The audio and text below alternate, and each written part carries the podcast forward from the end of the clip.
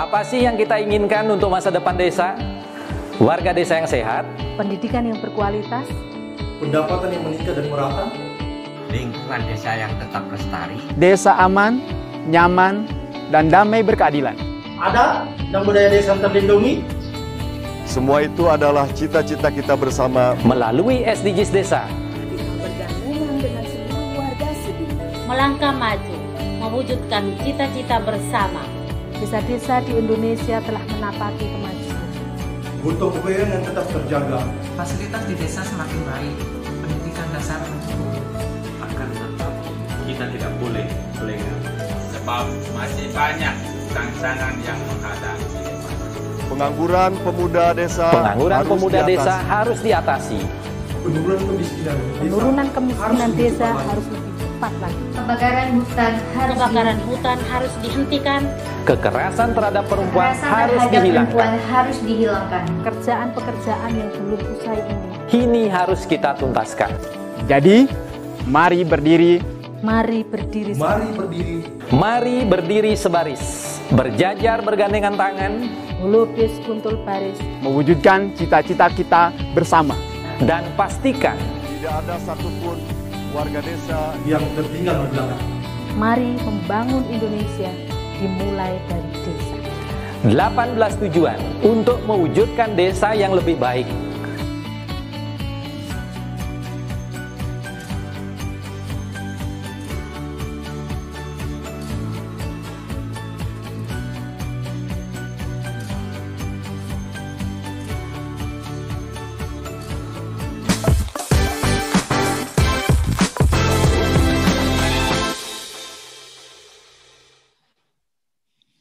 Mari berdiri sebaris, holobris kontrol baris.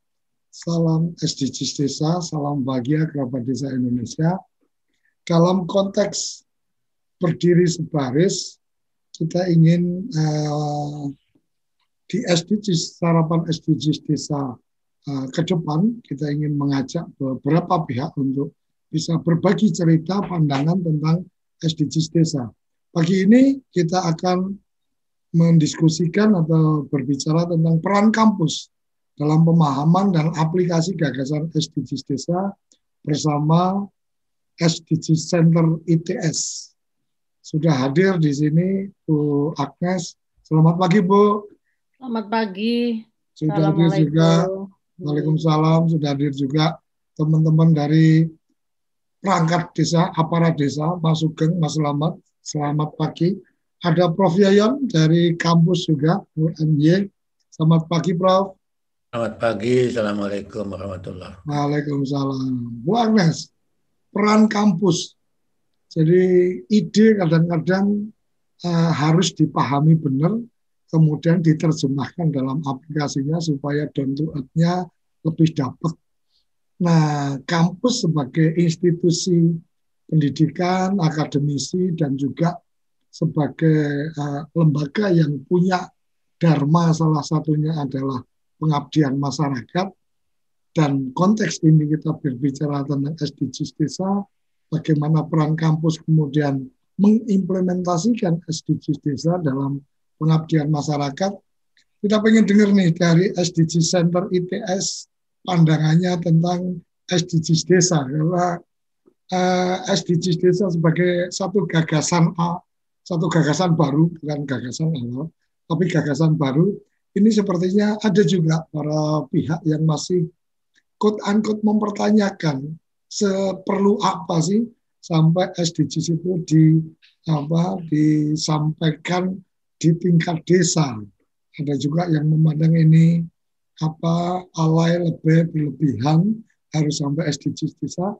Tapi ada juga yang memandang ya ini bagian dari mencerdas apa memberikan pemahaman kepada desa, pengambil kebijakan desa, shareholder dari apa kebijakan-kebijakan desa, memahami tentang konsepsi pembangunan berkelanjutan di dunia yang sekarang sedang berjalan. Silakan Bu Agnes. Ya, terima kasih Pak Koco.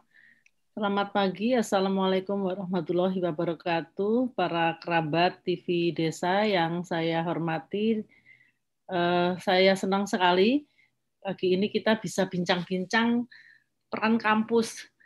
Kan kampus ini kan sering kali sok tahu ya Pak Koco. Dipikir yang dibutuhkan bukan gitu. Jadi saya juga suka bilang sama teman-teman, kita ini harus tahu dulu persoalan baru kita ngomong, baru kita berbuat begitu ya. ya. Jadi bukan terus kita tuh oh ini ada alat bagus ini ya, ini harus bisa ini dipakai oleh orang desa. Ya bagus, tapi kan belum tentu siap gitu. Ya. Itu yang sering terjadi sehingga akhirnya yang dibuat oleh ya, kampus kadang-kadang nggak kepake kan gitu ya. ya. ya. Kadang-kadang kan kita bilangnya e, ini contohnya ini alat pengering ikan ya. Teman-teman hmm. suka itu di Kenjeran bikin alat pengering ikan. Saya lewat-lewat eh, bagus alat pengering ikan, eh, bukan pengering ya, pengasap. Hmm. Saya eh, bagus itu alatnya, bagus sekali karena bisa menampung sekian banyak ikan sekaligus tidak seperti yang dilakukan oleh eh, para nelayan yang atau penjual ikan yang hanya sedikit-sedikit gitu. Tapi setelah saya lewat sekian kali itu ternyata mangkrak ya habis itu mereka balik lagi dengan uh, apa itu cara tradisional lagi yang seperti itu. Nah ini kan belum ada pemahaman yang bagus ya. Kalau begitu itu kan belum klik gitu loh. Nah jadi peran kampus itu uh, penting tetapi juga harus di apa uh, kampusnya ini harus tahu diri dalam tanda petik paham tentang problematika desa. Nah, saya juga sangat tertarik sekali dengan ide mem, meng, apa itu namanya menghadirkan atau ya menghadirkan SDG desa itu oleh Kementerian Desa yang merupakan terjemahan dari SDG yang global kemudian diambil oleh pemerintah Indonesia. Nah, sekarang diterjemahkan lebih detail lagi eh, menjadi SDG desa. Eh, mengapa itu menjadi poin penting ya? Karena saya melihatnya gini, kita itu kan punya struktur yang seperti ini ya, kira-kira loh. Jadi paling merah ini desa, kelurahan, di, di luarnya kecamatan dan seterusnya. SDG nasional ini atau SDG global bahkan kalau kita ceritanya SDG nasional saja misalnya, ini itu kan akan terjadi kalau di bawah-bawahnya ini terjadi ya yang paling yang paling uh, esensi atau yang paling punya peran besar itu justru yang paling yang berwarna merah saya kira hmm. sehingga kalau kalau uh, apa itu namanya itu tidak terjadi di desa SDG itu maka ya akan sulit untuk bisa mencapai SDG yang uh, lebih besar gitu ya jadi target nasionalnya itu akan susah dicapai kalau desanya nggak pernah disentuh, nggak pernah diajari, nggak pernah di apa, nggak pernah uh, ada program yang khusus untuk itu. Nah, dan saya uh, dan kita sama-sama harus menyadari memang betul-betul wilayah Indonesia itu terdiri dari desa lebih banyak dibandingkan dengan uh, lebih luas dibandingkan dengan uh, jadi kalau kita lihat secara apa nasional kan kata Pak Menteri 91% wilayah Indonesia adalah desa. Jadi kalau seperti itu ya perannya pasti akan sangat besar. Kita tidak bisa loh kan penduduknya cuma 43 persen. Tidak bisa seperti itu karena sumber daya itu ada di desa. Jadi membumikan SDG ya atau tujuan nasional pembangunan berkelanjutan yang sudah diundangkan lewat peraturan presiden nomor 59 tahun 2020 ini membumikannya dengan melalui SDG desa yang akhirnya dibuat berapa 18 tadi ya. Nah, saya melihatnya seperti itu. Jadi kemarin kita sudah membahas bersama Pak Ivan sampai akhirnya kan kita pada kesimpulan bahwa nomor 18 itu akan sangat per, besar perannya menjadi Eh, membuat SDG desa itu akan terwujud di desa. Karena kan peran dari kelembagaan desa yang dinamis dan budaya yang adaptif ini, ini yang akan membuat 1, 2, 3, 4, sampai 17 ini akan uh, terjadi. Nah, lalu ini nanti kan akan berkaitan Uh, lalu peran kampus bagaimana? Kalau kita kampus itu langsung aja misalnya, oh saya mau nomor dua gitu misalnya, atau oh saya mau nomor tiga gitu, ini lama karena kampusnya sedikit, desanya banyak, terus uh, mengerjakannya sedikit-sedikit gitu, atau parsial, uh, lalu itu akan lama. Tetapi kalau kampus itu lalu uh, bisa membuat yang nomor 18 ini punya kemampuan atau punya kapasitas yang tinggi sehingga otomatis yang 1 sampai 17 ini akan terjadi sendiri oleh orang desa gitu. Maksudnya oleh pemerintah desa dan masyarakatnya.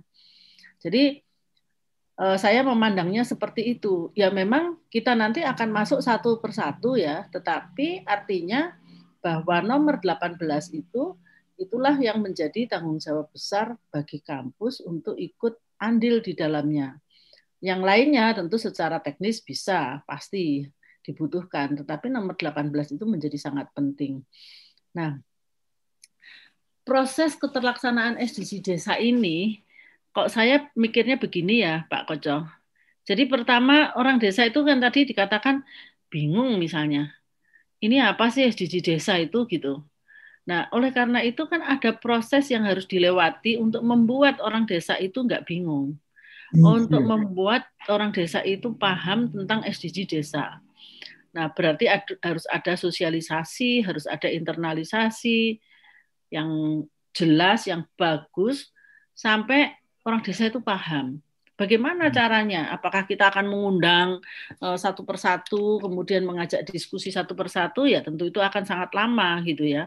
Berarti kan di sini dibutuhkan ada suatu mekanisme yang kira-kira itu akan mudah di apa terima oleh uh, apa itu masyarakat desa dan uh, pemerintah desa sedemikian rupa sehingga akhirnya mereka bersedia bersedia menjalankan SDGs desa. Jadi di sini kan ada proses membangun komitmen. Hmm. Makanya saya tadi mengatakan yang 18 itu karena proses ini mungkin kaitannya lebih ke yang 18 tadi dulu kan gitu ya. Yeah. Yang 18 dulu gitu. Lalu membangun komitmen, mau nggak menjalankan SDG desa? Pasti Pak Menteri kan menginginkan supaya semua desa itu yang katanya 75 ribu itu mau semua kan gitu. Yeah. Jadi bersedia semua. Nah kita itu kan sudah terlalu sering dengan model-model top down yang kadang-kadang uh, ya pokoknya ini harus dikerjakan. Tapi anehnya kan begini, pokoknya harus dikerjakan, tetapi ternyata kalau nggak dikerjakan ya nggak apa-apa gitu. Artinya nggak ada punishment. Iya, nggak ada punishment, terus kemudian ya sudah dibiarkan saja. Tapi harus gitu. Kan ya aneh ya, menurut saya kalau harus itu ya kita kontrol sampai dia itu bisa apa itu memang betul-betul menjalankan. Nah setelah bersedia, dia kan harus terampil. Hmm. ya harus terampil menjalankan bagaimana sih SDG desa itu. Berarti membutuhkan kapas peningkatan kapasitas SDM makanya tadi saya mengatakan SDG yang nomor 18 itu kunci utamanya. Kemudian setelah dia terampil dia bisa mengimplementasikan. Dalam arti yang namanya implementasi nanti kita terjemahkan mulai dari merencana sampai implementasi sampai monitoring begitu jadi ini uh, harus betul-betul teknis ya Pak Koco hmm. ya Ya, ya. Kita tidak tidak bisa kita hanya bicara oh, sudah disosialisasikan kok gitu. Terus orangnya bandel nggak mau mengerjakan. Loh ya nggak begitu gitu. Hmm. Nggak nggak bisa kita begitu. Kita harus betul-betul kalau misalnya memang sangat serius ingin supaya desa itu menjalankan SDG desa ya proses ini memang harus kita lalui kan Pak Koco. Ya. Ya, harus kita lalui. Nah, saya melihatnya begini kalau misalnya desa itu menjalankan SDG desa, apa yang akan mereka dapatkan sih sebetulnya? Benefit apa yang akan mereka dapatkan? Kalau eh, ini proses yang saya kira sangat sederhana. Jadi kalau desa itu sudah tahu arahnya, karena SDG desa itu kan memberikan arah. Oh ternyata, jadi saya tidak melihat hanya sekedar SDG desa itu mengukur ketercapaian pembangunan di desa. Hmm secara berkelanjutan. Saya tidak melihatnya hanya seperti itu. Itu iya, tetapi itu itu salah satu bagian. Yang saya lihat adalah pertama memang mengukur di awal ya. Tapi mengukur itu kan dalam rangka kita melakukan yang saya sebut sebagai evaluasi diri desa. Hmm. Ya, anggap saja sebagai itu. Ukurannya apa alat ukurnya? Menggunakan indikator-indikator yang ada di dalam SDG desa. Setelah itu kan direncanakan Ya. untuk bisa menyelesaikan yang atau untuk bisa apa closing the gap ya. Misalnya ada eh, harusnya eh, orang miskin berapa, nah sekarang yang ada sekian gitu. Kan berarti kan harus ada perencanaan yang bagus untuk mencapai itu kan gitu ya. Ya. Mencapai target SDG tadi dan harus ada implementasi. Nah, artinya teman-teman di desa itu harus punya kemampuan untuk melakukan perencanaan. Oke. Belum perencanaan harus ada ini apa dulu eh, evaluasi diri dulu tadi. Artinya artinya temu kenali diri baru merencanakan. Betul. Ya. Karena yang direncanakan kan nanti akan menyelesaikan yang yang yang minus-minus ya, Ya. masalah-masalah gitu. Hmm. Setelah itu implementasi. Seandainya proses ini terjadi dengan menggunakan dana desa, saya kira kita itu akan melakukan proses yang siklus ini, Hmm. ya kan? Setelah diimplementasikan harus dimonitor. Siapa yang monitor? Ya tetap dari desa dulu gitu. Itu kan internal ya. Ya, ya. Jadi ini setelah itu kita evaluasi, tercapai apa enggak? Berapa yang tercapai? Nah, saya lalu membuat tangga ini, Pak Koco. Hmm. Jadi tangga ini kan menentuk menga- apa itu namanya? memastikan tahun depan misalnya kita ukur lagi gitu ya.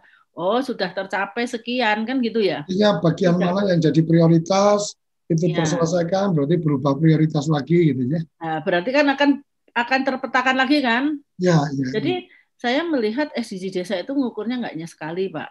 Jadi ngukurnya Hmm. itu harus tiap tahun. Ya. Harus tiap tahun dan seterusnya.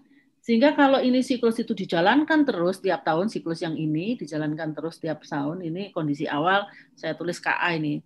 KA plus satu berarti plus satu tahun kan, dan Hmm. seterusnya. Maka lama-lama ini akan bisa mencapai tujuan. Hmm. Ya, inginnya sih nggak lama-lama ya. Hmm. Makanya saya gambarnya tangganya ini jangan banyak-banyak gitu. Jadi inginnya kan cepat ya. Ya, betul. Nah, jadi kalau ini terjadi, maka ini akan eh, desa itu terukur gitu loh. Jadi Menteri kan enak nih lihatnya. Hmm. Oh, ternyata sekarang sudah berubah menjadi ini. Nah, kalau misalnya memang dari Kementerian Desa itu eh, kemarin pun disampaikan akan ada disiapkan aplikasinya. Ya dari dashboard dari aplikasi itu tadi nah, kan Pak Menteri akan bisa melihat mana yang belum, mana yang sudah mampu dan seterusnya ya. Ya, ya. Persoalannya apa yang dihadapi. Jadi ini terpetakan terus Hmm. dari tahun ke tahun. Nah, ini kan butuh suatu tadi mulai dari paham sampai terampil sampai bisa implementasi ya. Artinya proses di yang lingkaran sebelah kiri siklus ini ini harus bisa dilakukan oleh desa itu sendiri. Hmm. Harus bisa dilakukan oleh desa itu sendiri. Nah, nah bagaimana perguruan tinggi? Perguruan tinggi itu punya fungsi yang saya kira juga saya mengatakan kunci karena kan ini proses yang ya agak akademis ya Ya.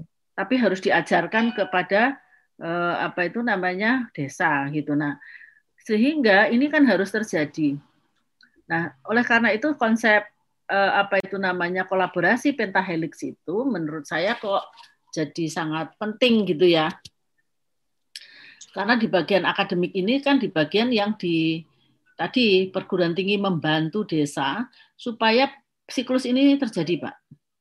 Supaya kita bisa memastikan bahwa tiap tahap ini akan terjadi perubahan-perubahan positif dan akhirnya kita bisa mencapai suatu titik tertentu bahwa itu akan berhasil. Nah, itu yang saya membayangkan begitu ya pentahelix strategi itu seperti ini. Jadi perguruan tinggi ini memiliki peran yang sangat penting untuk membantu pemerintah desa untuk membangun desa ini dalam eh, apa apa itu namanya ya secara terstruktur seperti tadi dan terukur gitu. Jadi dan eh, kenapa tidak gitu ya? Karena peng, karena kan perguruan tinggi itu punya kewajiban melakukan pengabdian masyarakat ya. Berarti kan sebetulnya banyak itu yang bisa ditransfer dari perguruan tinggi yang dikembangkan oleh perguruan tinggi ke desa. Jadi eh, apa kemarin kita sudah membahas di ITS itu. Kalau gitu semua departemen dulu namanya jurusan sekarang kita sebut departemen semua departemen di ITS itu harus punya eh, mata kuliah pilihan SDG nah itu kan bagus ya sesuai di disesuaikan dengan eh, bidang ilmunya masing-masing. Misalnya kalau teknik lingkungan ya nanti SDG nomor berapa kan gitu aja ya. Iya, iya, iya. Kemudian perguruan tinggi ini, perguruan tinggi ini kan uh, sangat strategis dalam rangka uh, ini ya menyambung-nyambungkan antara berbagai pihak. Perguruan tinggi itu biasanya dekat dengan pemerintah, dekat dengan apa uh, dunia bis, dunia usaha misalnya, ya, ya. dengan masyarakat juga, dengan media juga dekat. Jadi ya. kalau misalnya perguruan tinggi itu dijadikan diposisikan uh, seperti itu sehingga akhirnya masyarakat desa itu akan ter, sangat terbantu. Hmm. Karena kan uh, contohnya kalau di ITS ya Gus Koco ya. Di ITS itu punya 104 media. 104 apa itu namanya wartawan gitu.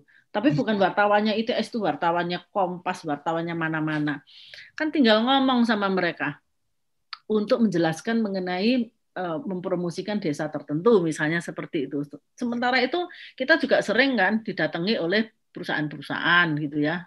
Perusahaan besar-besar biasanya Pertamina, Telkom itu kan mesti sowan-sowan Pak Rektor ya. Hmm. Nah, itu uh, saya sering kali menya menyampaikan begini pada perusahaan-perusahaan itu. Dibantu dong uh, dengan dana CSR saya gitu untuk membangun desa kan itu di situ kan punya uang banyak. Iya Bu, punya Bu gitu. Iya punya, Bu. Artinya kampus lebih leluasa untuk menjadi konektor karena memang betul, betul uh, mereka uh, berkomunikasi dengan kampus lembaga-lembaga uh, bisnis ya. Iya, okay. karena kampus ini dipercaya. Hmm. Karena kampus ini kan kita tuh tidak akan mengambil uang yang diberikan oleh perusahaan perusahaan tersebut ke desa ya kan. Yeah. Kita hanya kampus itu dipercaya dalam arti tidak akan mengambil uangnya dan juga dipercaya bahwa kalau didampingi oleh kampus maka pembangunan di desa itu benar gitu loh. Nah, kemudian government ya kita juga apa pernah eh, bukan pernah sering banget didatangi dari berbagai kementerian atau pemerintah daerah untuk minta bantuan bagaimana mengembangkan wilayahnya masing-masing. Berarti sebetulnya kampus ini kan posisinya sangat strategis. Jadi kalau saya melihat uh, seperti itu, ya sekarang bagaimana tinggal Kementerian Desa itu memposisikan kampus, ya, bagaimana me, uh, membuat kampus itu betul-betul bisa ber uh, apa memberikan ini ya, memberikan kontribusi yang jelas gitu ya di dalam. Artinya perlu ada peran pemerintah dalam hal ini Kementerian Desa untuk apa mem mempositioningkan kampus dan memberikan uh, kampus satu pe keberdayaan untuk kemudian lebih ya. bergerak ya. masif gitu ya Bu ya. Betul. Nah, yang selama ini terjadi Pak Kojo, ya. kampus itu cari-cari sendiri. Okay. Jadi cari-cari ano, saya tuh ya agak ngomel-ngomel kemarin waktu ini ini contoh yang kita lakukan di mana ya? Di Lombok ya. Lombok karena saya itu tertarik dengan adanya uh, apa daerah yang ditetapkan oleh oleh bupati untuk menjadi kawasan wisata desa. Memang daerah itu bagus sekali nanti saya tunjukkan. Nah, kemudian um, mereka itu ogah-ogahan gitu. Nah, tapi saya sudah kadung mengalokasikan anggarannya ke sana Pak dari kampus. Terus akhirnya uh, saya bilang begini, lo yang butuh dibangun itu kan kalian ya, bukan saya ingin membangun kalian terus kalian kayak jual mahal gitu. Kalau nggak mau ya sudah, saya balik, saya bilang gitu. Ya. Ya, saya udah jauh-jauh dari Surabaya ke Lombok itu kan tujuannya membantu gitu. Nah, berarti kan itu belum memposisikan kampus dengan benar ya. Hmm, okay. Contohnya kan seperti itu. Nah, padahal kampus ini membantu banyak hal. Membuat kemarin saya membuat peta dulu, membuat peta dulu, ya. Lalu nanti kan di situ maksudnya nanti akhirnya siapa melakukan apanya itu jelas gitu loh di desa maksudnya ya. Siapa melakukan apanya jelas dan hasilnya itu kan pemetaan itu kan jelas. Akhirnya mereka oh ternyata sekarang saya jadi punya ini ya, punya profil desa yang bagus gitu. Lah iya wong kita buatin ya kan. Ya. ya kan kita buatin. Kemudian punya perencanaan yang melibatkan mereka dan seterusnya. Ini uh, ada berbagai strategi dan kemudian bahkan sampai kita latih. Nah, jadi kami di SDG ITS itu memang ingin sekali ya kita punya visi seperti ini. Jadi pengembangan konsep kebijakan dan seterusnya ini nanti bisa di di uh, apa itu namanya diterjemahkan sebagai pengembangan konsep untuk SDG desa gitu ya. ya. Itu sedemikian rupa sehingga itu menjadi rujukan gitu. Dan kami ingin menjadi partner dari pemerintah, partner dari desa, dan partner dari tadi pentahelix tadi itu. Jadi kita ingin mengembangkan program-program yang relevan untuk desa tadi itu, ya dan seterusnya. Nah, kami itu melihat sebetulnya desa itu saya menyampaikan sebagai living laboratory bagi kami. Jadi hmm. kita juga enggak rugi sebetulnya, ya. Karena apa? Maksud saya kita capek-capek ke desa ke mana-mana itu enggak rugi karena mahasiswa itu akan bisa melihat langsung real di lapangan.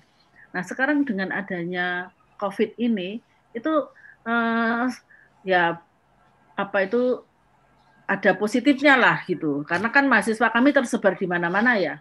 Ya. Akhirnya mereka saya tawari untuk KKN ya. Jadi sebetulnya KKN untuk untuk di SDG desa itu sudah terjadi um, setahun yang lalu gitu. Walaupun hmm. itu SDG-nya belum di apa itu namanya SDG desa itu belum di launching katakan begitu, tapi kami sudah mencoba dan ternyata itu jalan. Lalu orang-orang kampung, orang-orang desa bagaimana? Sangat senang kehadiran kami itu sangat-sangat ditunggu. Oh ternyata begini toh caranya kami membantu ini pemuda-pemuda desa kan kalau mahasiswa ketemu pemuda itu kan pemudanya seneng ya. Ya. Yang datang dosennya gitu mungkin sebel tapi kalau lihat pemudanya kan seneng ya. Hmm. Jadi kami akhirnya kan mereka diterima dengan baik. Nah, saya terutama pemudinya kan. yang tua juga seneng Pak. Oh, Siapa gitu ya? tahu bisa diambil mantu gitu. Jadi itu yang terjadi pak jadi akhirnya mereka tuh merasa sangat eh, apa mendapatkan ini gratis ya dari teman-teman mahasiswa gitu ya jadi kami itu konsep pemikirannya seperti ini mudah saja kita tadi living laboratory itu secara komplit ya bukan hanya oh, saya mau nyoba untuk bikin sanitasi di situ enggak kita itu kan sedang mengembangkan metodologi ya pak yeah. Kemudian nanti kan kita harus bisa mengadaptasi, menduplikasi ke tempat-tempat lain. Hmm. Jadi yang sekarang saya pikirkan itu adalah bagaimana sih 75 ribu desa itu melakukan hal yang sama seperti yang kita lakukan di desa-desa tertentu gitu. Hmm. Jadi ini contoh nih yang tadi saya ceritakan. Desa ini namanya kawasan kawasan Sekawan Sejati. Ini terdiri dari tiga desa air terjunnya itu yang hijau-hijau ini. Satu, dua, tiga, empat, lima, enam. Banyak sekali air terjun di desa ini. Bagus, bagus, Pak. Mereka juga hmm. bilang, katanya, anu, apa namanya, kita tuh punya potensi wisata yang bagus. Tapi nggak kegarap, Pak. Nggak kegarap, karena nggak tahu caranya. Ada hmm. Pok Darwis, katanya. Ada Pok Darwis. Satu desa itu Pok Darwisnya ada yang 10, ada yang 20 gitu ya. Hmm. Itu nggak kegarap tadi malam itu akhirnya kan eh, saya dengan Bu Yanti itu kan punya kerjasama dengan Australia ada ahlinya di Australia itu untuk mengembangkan desa wisata di Australia sana jadi kita sampai tanya kamu gimana sih caranya mengembangkan desa itu lalu kami itu sudah merencanakan untuk membuat training kepada pemuda desa di situ itu seperti yang dilakukan di Australia itu kan sesuatu yang mungkin kalau desa sendiri suruh mikirin kan susah ya Nah, di Australia itu ternyata desa-desa wisatanya itu bagus-bagus gitu loh. Karena memang metodologi yang dibuat oleh mereka itu sangat-sangat keren. Jadi tadi malam kita rapat itu kebetulan Pak Koco. Hmm, okay. Jadi kemudian setelah lihat potensinya dan sebagainya, sebetulnya potensinya tuh banyak sekali dan mereka itu merasa eh, apa itu namanya belum nggak tahu mau diapakan gitu. Oh mereka itu penghasil kopi, penghasil anu apa kopi, kemudian coklat gitu ya. Lah ini kalau orang yang datang ke sini disuguhi kopi sama coklat sambil ngelamun-ngelamun di pinggir apa apa itu air terjun. air terjun kuda ya menyenangkan ya Pak saya gitu. Hmm. Ya pasti akan kemudian dihias-hias gitu akhirnya jadi uh, tempat selfie kan gitu ya. Yeah. Nah, saya tanya terus, dana desa dipakai untuk apa gitu. Ternyata yang lain bukan untuk mendukung wisata ini. nah, Gitu. Artinya menyadari ada potensi, tetapi uh, uh, sumber daya yang dimiliki tidak dimanfaatkan untuk mendukung potensi itu. Iya betul. Hmm, Makanya betul. kami kan loh kalau di kampus kan ada ilmunya bagaimana cara mengembangkan desa. Hmm, kan kami punya namanya uh, perencanaan wilayah. Hmm. Saya undang tuh pakarnya perencanaan wilayah. Ayo dong hmm. ajak anu bantuin saya gitu. Bagaimana sih caranya membuat perencanaan wilayah desa? Oh ada. Jadi ada yang memang dokternya itu gitu ya. Ya. Gitu. Nah itu kan mudah sebetulnya. Hmm. Artinya mudah itu bagi kami mudah. Ya. Tapi kan sebetulnya enggak usah mereka itu ribut. Maksudnya desa itu lalu mikir susah-susah karena akan didampingi oleh kami misalnya. Hmm. Lalu hmm. ayo kita buat. Lalu saya undang itu yang memang hobinya itu mengembangkan ini kawasan wisata juga gitu bahkan kawasan wisata yang ada religi-religinya itu teman teman saya itu suka sehingga hmm. bagaimana sih uh, landscape-nya dan sebagainya itu dipikirin sama dia. Bisa digambarkan gitu loh nah terus produk-produk seperti ini produk ini enggak enggak apa itu namanya harga jualnya rendah dan ini pengrajinnya makin lama makin enggak ada padahal ini bagus sekali di Lombok itu kan ini bagus sekali ya. ya, ya. Tapi akhirnya kan kurang. Kenapa? Orangnya pergi ke luar negeri katanya, ke Malaysia jadi TKI. Kan hmm. eman sekali gitu. Lalu lembaga-lembaganya banyak sebetulnya di desa itu, tetapi ya ya tahu sendirilah bagaimana eh, apa ada yang bagus, ada yang nggak bagus gitu ya. Nah, lalu teman-teman itu ngajari desa itu untuk membuat produk-produk turunan gitu, Pak. Hmm, Macam-macam produk turunan ini dari Dispro nih yang membuat. Hmm. Mengapa mereka dibuat anu, diajari seperti ini? Ini kan karena karena sebetulnya mereka sudah punya banyak sekali produk baru yang bagus-bagus juga ya nanti mungkin kalau sempat saya cari dulu filenya. Nah ini bagus-bagus. Nah ini lalu saya tawarkan. Saya kebetulan ketemu sama ibu gubernur, ibu hmm. ibu Wagub itu kan alumni kami ya, alumni ITS hmm. kan. Hmm. Nah, ketemu sudah sama Bu Wagub itu. Bu, semua ini disuruh pakai keplek gitu ya. Yeah. Nah, supaya orang desanya itu laku kan gitu ya. Hmm. Atau seragam atau apalah nanti desain-desainnya yeah, yeah, yeah. kami gitu. Hmm. Seperti itu. Itu kita ajarkan kepada penduduk desa. Nah, teman-teman bilang tidak mudah juga membuat desain. Nah, sudah gini hmm. aja. Teman saya itu bilang gini, kalau saya itu kan saya ngajar desain. Kalau hmm. saya punya anak 60 di kelas gitu, itu akan hmm. muncul 60 desain. Ya kan? Karena ditugasi gitu. Nah, sekarang ini kan tugasnya jadi sekarang ini saya arahkan tugas-tugasnya di desain itu itu ambil produk unggulannya sekarang ini lagi Jombang. Produk unggulan Jombang apa gitu. Terus dibuatkan desainnya untuk apa saja. Ini sekarang sedang jalan ini. Nah, seperti itu, Pak. Nah, mereka itu nanti para pengrajin itu kalau suruh mikiri desain dengan ilmu yang muluk-muluk gitu kan ya kesulitan. Buatin aja desainnya lalu dilatihkan gitu. Betul, betul. Nah, seperti itu. Jadi banyak produk-produk yang akhirnya bisa dihasilkan. Bahkan kan kita uh, pengrajin apalagi anak-anak anak-anak mahasiswa ini lebih familiar dengan digital, lebih familiar iya, dengan betul. jualan online, jadi eh, produk-produk itu jadi lebih eh, lebih luas terpasarkan ya, Bu. Iya, karena mereka itu akhirnya kan membuatkan itu IG, membuatkan apa uh, website dan seterusnya. Pokoknya pokoknya yang digital digital itu kan anak-anak suka. Nah, hmm. itu akhirnya kan banyak itu yang dari teman-teman yang sudah membuat. Jadi tergantung jumlah mahasiswanya banyak kan desanya bisa banyak, Pak. Ya, ya. Mereka tinggal dikasih tugas saja. Branding itu bagaimana mikirnya. Lah kalau pengrajin suruh mikiri branding itu ya pasti susah ya, Pak. Packaging bagaimana? Ya udah, kalian buatin aja nanti apa itu mereka yang menjalankan kan gitu. Jadi, jadi nggak nggak usah nggak usah diajari terlalu detail untuk mereka berpikir itu, tapi Nggak, iya. bagaimana kemudian betul. Mereka mampu memproduksi dan kemudian punya nilai kan gitu ya. Iya betul itu. Ya. Tapi juga eh, nah itu tadi yang saya katakan kita itu kan bisa menjadi networking ya, membantu desa itu untuk membuat networking tadi. Nah ini nanti siapa bu yang beli dia nggak tahu juga yang beli siapa. Loh, kan tinggal Bu Gubernur tadi, Bu Wagub tadi. Bu ini tolong dibuatkan peraturan bahwa apa itu namanya eh, kartu yang kepleknya para pegawai di lingkungan katakan NTB yang itu ya, hmm. itu semuanya harus menggunakan produk ini gitu. Tinggal nanti oh. desainnya disesuaikan. Lah kalau itu jadi peraturan ya semua orang pakai apa? Sama seperti mama seminggu sekali harus pakai baju uh, lurik kalau dulu di iya, di iya, apa betul. di salah satu kabupaten di uh, Jawa Tengah. Jadi suka iya. tidak suka kan belanja lurik ya belanja dari ya. masyarakat ini. Nah, tapi kan suplainya itu yang kami garap kan, Pak. Betul, betul. Ya, tapi menyampaikan bahwa harus pakai baju lurik tadi itu, itu kalau hmm. orang desa kan ya nggak didengerin bisa jadi ya. Tapi kalau misalnya hmm. kampus yang mau menyampaikan kan uh, apa itu setidaknya oh iya ya benar ya gitu loh. Hmm. Setidaknya kan begitu ya.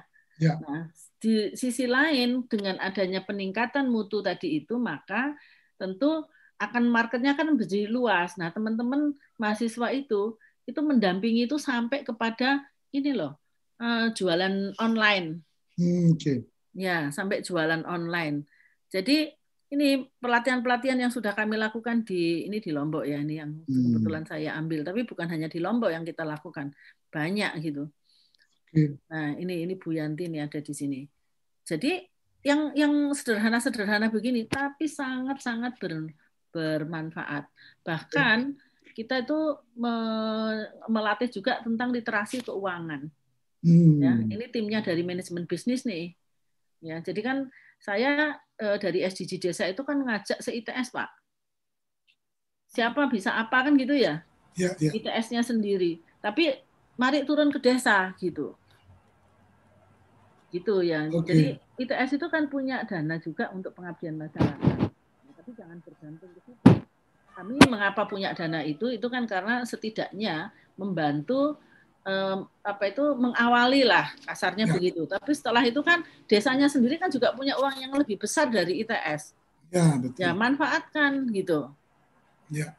Ya, jadi jadi literasi keuangan, kemudian ini ada tata kelola BUMDes dan seterusnya itu karena kami punya yang satu manajemen bisnis, yang satu lagi teknik industri itu urusannya dengan manajemen-manajemen begini gini ya. Yeah. Ya, kemudian uh, ini ada bisnis model dan seterusnya. Jadi saya kira nah kami juga punya partner kan. Yeah. Jadi kita sudah punya partner, berbagai partner, ada ILO, ada UNESCO. Mereka ini yang kita bawa ke desa juga kan gitu. Iya, iya, iya. Artinya Jadi, segenap potensi yang ada di kampus bisa, bisa di, masuk ke Ya, bahkan kami sekarang ini sedang membuat ini Pak desain untuk websitenya ini desa wisata ini. Kan oh, kan saya melihat, mohon maaf nih ya Pak ya, saya melihat kalau websitenya di pemerintah kita itu kan kurang menjual ya. ya. Nanti ada orang foto jejer-jejer gitu. Potensinya nggak dia nih. Siapa sih yang mau lihat foto kalian itu? Saya sering saya udah anak, udah jadi pejabat udah terkenal nggak usah pamer foto iya, gitu. Ya. ngapain gitu. Nah, saya itu kan lihat website yang di Australia itu ya. Hmm. Uh, bagaimana mereka saya itu kan uh, karena saya nanya-nanya sama anak saya, gimana sih caranya Melbourne itu menjual dirinya gitu. Ini hmm. tak tunjukin websitenya katanya. Ternyata memang yang mereka jual itu adalah potensi-potensi mereka sehingga orang datang ke sana gitu. Nah, tapi kalau artinya perlu memberikan artinya ibu berpikir untuk memberikan contoh dan kemudian desa juga tidak kemudian ikut-ikutan pamer para pejabatnya kan gitu. Iya, Karena betul. website desa kan kades, cari dan seterusnya dipajang tuh di situ. iya, loh saya di ITS itu juga melakukan hal yang sama. Jadi waktu hmm, saya gitu. tahun uh, apa tuh periode sebelumnya ini saya menjadi sekretaris institut itu saya merubah website pak. Saya hmm. ngomong yang sama, ngapain kita tuh foto dilihat orang, nggak ada yang lihat saya bilang gitu yang dilihat itu potensinya ITS itu seperti apa. Jadilah sekarang websitenya ITS itu beda karena hmm. belajar dari websitenya dari berbagai negara gitu. Nah untuk desa pun juga ada pak berbagai belajar dari berbagai negara. Saya suruh mahasiswa, ya saya nggak belajar sendiri, saya suruh mahasiswa, coba kamu lihat desa-desa wisata di sana tuh bagaimana bikin websitenya gitu. Wah langsung dia bikin desain pak, langsung dia bikin desain macam-macam. Akhirnya eh, ini bu konsep saya gitu. Oh bagus sekali jadi hmm. kalau nyuruh mahasiswa itu kan sangat cepet ya. Saya tuh bersyukur ya. punya mahasiswa pinter-pinter gitu. Itu cepet banget gitu. Ini karena sudah memang karena memang dunia dia kan gitu. Enjoy ya, dunia itu. dia memang ya. dan dia dia itu belajar lebih cepat dari kita kan, Pak? Ya, betul. Kita itu belajar dari mereka bahkan gitu. Nah, Nah, lalu ma- maha gurunya uh, Google sama YouTube. Nah, oh saya nanya ke mahasiswa, kamu kemarin kan ikut lomba di luar negeri, Hmm. nggak kuliah gitu ya. Terus gimana caranya anu apa mengejar ketertinggalan? Lah kan ada YouTube, Bu. Saya tanya mahasiswa lain yang ikut kuliah, terus lalu saya tanya materi yang sama di YouTube itu ada. Hmm. Oke, Ya sudah beres gitu loh, Pak. Ya, Ya ya, kan? ya. Jadi gitu Pak Koco kira-kira yang Oke. bisa saya sampaikan. Tidaknya ini menyemangati menyemangati kami juga di kampus. Siap, Karena kalau siap. dipakai oleh teman-teman di desa pasti ini ya. Luar biasa. Ya, luar biasa Bu Agnes dengan apa SDG Center ITS ternyata sudah apa melakukan banyak hal tapi ada yang eh, penting saya catat tadi adalah bagaimana SDG Center ITS atau dalam hal ini eh, Bu Agnes sangat sepakat dengan adanya ide atau eh, gagasan SDGs apa eh, desa artinya SDGs yang didontuakan di desa dan ini menurut saya sesuatu yang luar biasa. Sebelum saya minta tanggapan dari kementerian Gus Ivan, kita akan apa jeda dulu sesaat dan kemudian kita akan mendengarkan bagaimana ini Gus Ivan memandang ini. Kita akan kembali setelah yang satu ini jangan ke mana-mana, tetap di sarapan SDGs desa. Kamu tinggal di pulau terpencil, pegunungan pinggiran kota, atau daerah di Indonesia yang tidak terjangkau jaringan fiber, ADSL, dan juga 3G. Internetan dengan cepat pasti cuma akan menjadi mimpi. Mau pakai tol langit, pakai desa wifi, kunjungi www.desawifi.id. Apa sih yang kita inginkan untuk masa depan desa? Warga desa yang sehat, pendidikan yang berkualitas, pendapatan yang meningkat dan merata, lingkungan desa yang tetap lestari, Desa aman, nyaman, dan damai berkeadilan. ada dan budaya desa yang terlindungi, Semua itu adalah cita-cita kita bersama melalui SDGs desa. Satu, desa tanpa kemiskinan. dua, desa tanpa kelaparan, tiga, Desa sehat sejahtera. Empat, pendidikan desa berkualitas. 5. Keterlibatan perempuan desa. Desa layak air bersih dan sanitasi. Tujuh, desa berenergi bersih dan terbarukan. delapan, pertumbuhan ekonomi desa merata, sembilan, infrastruktur dan inovasi desa sesuai kebutuhan. 10. Desa tanpa kesenjangan 11. Kawasan permukiman desa aman dan nyaman 12. Konsumsi dan produksi desa sadar lingkungan. 13. Desa tanggap perubahan iklim. empat belas, desa peduli lingkungan laut, 15. Desa peduli lingkungan darat. 16. Desa damai berkeadilan. 17. Kemitraan untuk membangun desa 18. Kelembagaan, desa dinamis, dan budaya, desa adaptif.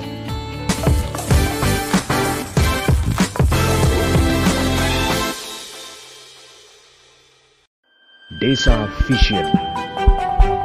Desa Vision memberikan pilihan tayangan edukasi dan inspirasi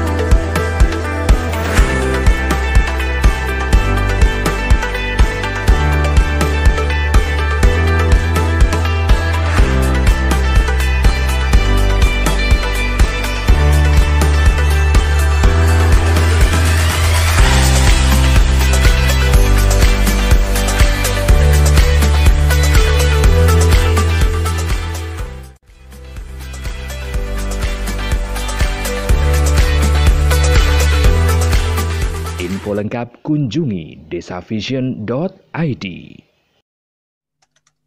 Kali ke sarapan SDGs desa, luar biasa. Yang tadi disampaikan Bu Agnes makin memperkuat pandangan saya tentang SDGs desa ini implementasi dari gagasan Soekarno dan Hatta. Karena Soekarno meletakkan Pancasilanya, Hatta melontarkan tentang bagaimana uh, membangun Indonesia itu dengan menyalakan lilin-lilin di desa bukan menyalakan obor di Jakarta. Ini luar biasa. Jadi Gus Menteri menawarkan sesuatu yang luar biasa menurut saya dengan SDGs desa karena bagaimana gagasan pembangunan berkelanjutan di tingkat dunia yang kemudian turun di apa pembangunan berkelanjutan Indonesia ini diterjemahkan dengan cara Hatta menyalakan lilin-lilin di desa. Ini sangat luar biasa dan apresiasi untuk uh, ITS uh, Bu Agnes karena melihat ini sebagai sesuatu yang positif yang kemudian ternyata juga sudah dikerjakan uh, oleh teman-teman. Nah, yang ingin uh, saya sampaikan dengan waktu yang tersisa tidak banyak, tapi uh, dari teman-teman di YouTube, Mbah Pardi uh, Geni Langit ini kayaknya jatuh cinta ini sama ITS sama Bu Agnes menunggu kehadiran ITS untuk di Magetan. Magetan itu Jawa Timur, Bu. Jadi apa berharap ya, ITS ya. bisa melirik Magetan karena sekarang ini KKN-nya dari UNS. Oke, itu bagian yang nanti bisa apa di uh, obrolkan lebih lanjut Mbak Eti yang dari peneliti uh, me, menyampaikan tentang bagaimana model-model KKM. Oke, terima kasih masukannya dan satu lagi nih Mas Madong uh, menyampaikan bahwa di Jember oh ini Mas Madong ini Bali tapi mengomentari untuk yang di Jember ini. Di Jember ada program satu desa satu dosen. Ini menarik juga untuk apa menjadi program nasional. Catatan-catatan uh, ini menarik, Gus Ivan, luar biasa. Jadi SDGs 18 ternyata jadi kunci. Uh, Hatta menyampaikan menyalakan lilin di desa itu menjadi penting. Soekarno menyampaikan bahwa keadilan sosial itu menjadi penting. Nah, tentang penguatan kelembagaan desa yang dinamis dan bagaimana budaya desa yang adaptif, ini saya yakin kampus punya ilmunya. Artinya ada teman-teman dari hmm. sosiologi, ada dari ilmu pemerintahan, ada dari ilmu budaya dan pengembangan-pengembangan yang lain itu dari teknik dan seterusnya itu bagian dari kemudian uh, menjadi alat untuk teman-teman uh, mengembangkan kelembagaan menjadi lebih apa dinamis dan uh, budaya masyarakat desa yang lebih adaptif. Saya pikir eh, ini catatan-catatan menariknya ada lagi bagaimana desa menghubungi universitas, kampus dan seterusnya sebenarnya ada di Kemendes juga ini jadi kayaknya koordinasi KKN seluruh kampus di Indonesia ini uh, Kemendes jadi catatan PR ini untuk berbagi apa uh, klaster-klasternya. Monggo silakan Gus Ivan memberikan tanggapannya masukan-masukan uh, yang luar biasa ini pencerahan pagi ini. Ya, terima kasih Bu Agnes, Gus Koco, kerabat desa sekalian. Ya. Sungguh mengejutkan ini buat saya pagi ini. Ya. Karena selama ini kalau apa diskusi di ya diskusi di Jakarta di mana banyak kementerian lembaga pemerintah daerah kemudian tentu saja ada perguruan tinggi tentang SDGs desa itu yang dibicarakan itu selalu bagaimana menyusun renaksi, rencana aksi untuk SDGs. Terus kemudian ujung-ujungnya tidak percaya bahwa desa bisa melakukan karena semua itu rumit. Bahkan kemarin uh, diajak diskusi dengan beberapa menteri itu ya dan selalu saja ada menteri yang tertawa bagaimana mungkin ada SDGs desa gitu. Dan bagaimana desa akan melakukan. Iya, iya seperti itu. Apa namanya? Tapi pagi ini saya melihat apa namanya semangat yang sama dengan Bu Agnes dan ITS ini. Tidak usah terlalu banyak alasan ini itu, tapi langsung dijalankan di lapangan gitu. Itu saya kira lebih bermanfaat daripada yang lain itu. Jadi biarin yang apa namanya itu yang memberikan uh, berbagai penilaian pihak lain nggak apa-apa, tapi yang penting kita sudah gerak dulu di lapangan itu. Dan memang yang terpikir kemudian tadi yang ada Bu Astuti dari Losari itu bahwa ini pengalaman dari apa namanya penggerak bina swadaya ya yang menyampaikan bedanya berada di pemerintahan dengan di LSM waktu itu di LSM di LSM itu tadi Pak Arief juga menuliskan perlu waktu lama untuk bisa menggerakkan satu dua tiga sampai puluhan ratusan desa gitu. Sementara di kementerian itu hal itu bisa digerakkan sekaligus secara nasional ya Nah itu saya kira tadi juga hal yang menarik berarti bagaimana berbagai pihak yang selama ini terus terang saya mempelajari betul tapi tidak tidak sampai mendapat pencerahan seperti ini. Bagaimana peran kampus tadi sangat besar untuk ke sana dan kemudian peran media dan akhirnya mengetahui juga peran kementerian uh, jadinya harus uh, ikut sebesar apa gitu ya. Jadi saya kira benar mungkin memang ada apakah namanya festival atau apa saja yang berkaitan dengan SDG Center yang ada di kampus-kampus di Indonesia yang memang harus kita sering apa ketemu dan kami sudah mulai menyusun ini Bu Agnes dari pertemuan kita selama ini itu istilahnya protokol uh, teknologi tepat guna yang bisa masuk desa gitu ya. Ya protokol ini sebetulnya syarat-syarat aja. Hmm. Ya. Yang kemudian memudahkan desa. Yang kami sama seperti Bu Agnes tadi bisa saling tukar menukar sebetulnya. E, mengembangkan semacam katalog di di apa namanya di Kemendes itu ada dua jenis katalog. Katalog teknologi informasi yang masuk desa dengan protokol atau syarat-syarat tertentu. Dan yang kedua katalog tentang teknologi tepat guna ini. Dan ini yang disampaikan Bu Agnes akan sangat membantu ke sana juga gitu dan eh, rencananya besok itu Pak Mendikbud nah ini memang ini masih seremonial tapi memang harus ada itu dulu karena sebetulnya dokumennya yang lebih detail sudah ada yaitu eh, KKN tematik Kemendikbud dan Kemendes gitu. Jadi menindaklanjuti yang Bu Agnes sampaikan eh, hampir dua minggu lalu ya. Karena waktu itu janjinya dua minggu. Saya bilang ke Pak Dirjen Dikti bisa nggak dua minggu biar saya menepati janji juga. Baru ke, baru besok ada MOU tiga menteri ya tentang hal itu. Termasuk yang tadi Bu Agnes sampaikan saya kira titik kritisnya jadi tegas itu. SDGs 18 itu terutama memang meningkatkan kapasitas dari masing-masing komponen desa. Meskipun dalam lingkup kelembagaan dan budaya desa dan itu yang benar-benar bisa mengembangkan SDGs desa yang lain. Ini sangat menegaskan tadi dan itu saya kira do, uh, argumen yang sangat bagus dan dan sangat masuk akal itu untuk kita kembangkan. Okay. Jadi eh, nanti kalau ITS ada RPL untuk Kades, Bumdes dan sebagainya eh, besok mulai di disepakati. Oke. Okay. dengan Dikti ya. Yep. Ya jadi bukan untuk cari gelarnya tapi supaya lebih memudahkan ketika tadi istilah Bu Agnes kan bagaimanapun SDGs ini punya aspek teknokratis yang tadinya berasal dari kampus begitu ya. Jadi untuk kades-kades, bumdes, pendamping desa, perangkat desa yang memang pengalaman dan punya prestasi itu ada rekognisi pembelajaran lampau untuk bisa masuk ke kampus. Kemudian sisanya eh, tidak harus mengikuti kuliah sepenuhnya, tapi ya sisanya saja dari dari SKS dan dari pengalaman itu.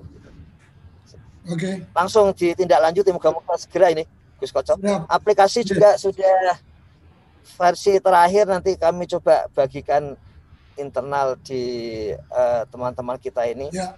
supaya kalau ada kritik bisa segera diperbaiki. Ya. Terima kasih Gus Koco, kerabat okay. desa sekalian, Bu Agnes dan ITS. Salam hormat.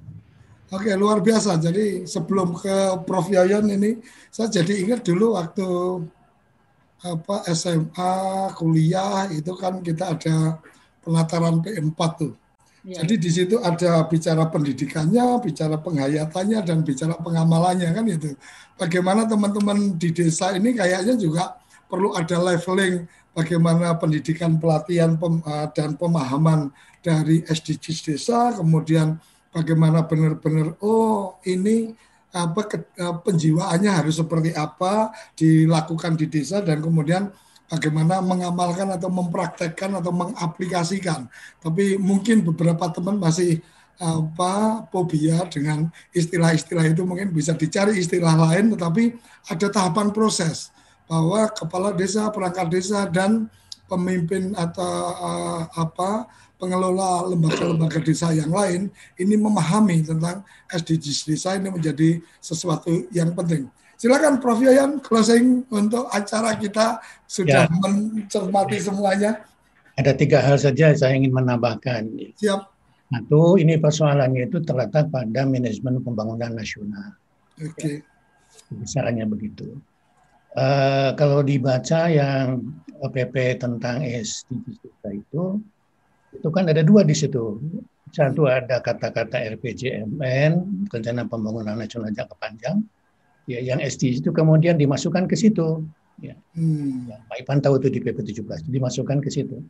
Jadi bukan yang mainstream gitu. Ya di di, pembangun, di manajemen pembangunan nasional itu.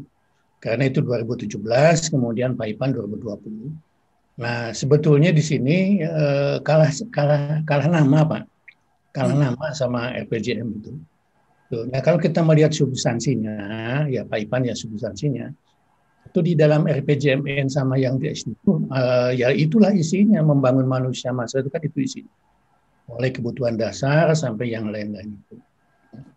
Alhamdulillah Pak Menteri ini kan memasukkan prioritas utama untuk SDGs tadi. Nah, berpeng, uh, melihat uh, sebelumnya MDGs itu, MDGs itu dulu kental uh, dengan anu, dengan LSM, bukan oleh pemerintah. Hmm, ya, atau persis itu tokoh yang jadi Menteri PU itu kan tokohnya MDGs dulu. Nah, tapi kemudian uh, tidak berlanjut ya. Dan kemudian SDGs itu. Perguruan tinggi sebetulnya sudah melakukan banyak hal. Sudah banyak yang dilakukan. Untuk kemiskinan, untuk ini, untuk itu. Cuman tidak dalam label SDGs itu. Itu yang diceritakan Bu Andres itu kan sebetulnya kan nama-nama uh, nama yang tidak eksplisit SDGs sebetulnya. Tapi kegiatan-kegiatannya itu, oh ya itu semua ya ya SDG itu sebetulnya begitu. Nah, harapan saya kepada kementerian itu uh, mampu bersaing dengan eh, program-program yang lain gitu. Jangan sampai tadi ditertawakan dan lain sebagainya oleh menteri-menteri yang lain. Sebab kementerian yang lain itu sebetulnya kesehatan, pendidikan, PU macam-macam itu. Itu kan program-program itu kan ada di dalam SDG semua itu sebetulnya. Hampir semua kementerian ada di situ. Dengan kata lain, eh, SDGs itu yang uh, eh, 18 dengan 200 sekian indikator itu, itu semuanya harus dilakukan oleh kementerian-kementerian tadi itu. Ada di situ. Tapi ide besar selalu selalu ditertawakan, Prof. Dalam sejarahnya seperti itu. Jadi kalau nah, ada yang mentertawakan, kita harus bangga bahwa ini ide besar. Ada, sejarah di dunia internasionalnya. Eh, PBB itu kalah dengan lembaga-lembaga yang berbasis, yang berbasis bisnis. Okay. Itu kalah sama Bank Dunia, kalah sama IDB, sama uh, eh, OECD dan macam-macam itu. Tuh, itu kan gagasan uh, uh, apa namanya? Gagasan PBB itu kan biasanya kan uh, tidak ada uangnya yang mencukupi. Tapi kalau program-program Bank Dunia, ADB, uh, macam-macam itu, itu semua uangnya sangat luar biasa. Dan kita dalam sepanjang sejarah pembangunan kemarin di Orde Baru itu, yang namanya Bank Dunia itu kan uh, partner yang sangat luar biasa. Kemudian Bank Pembangunan Asia dan macam-macam lah. Ya.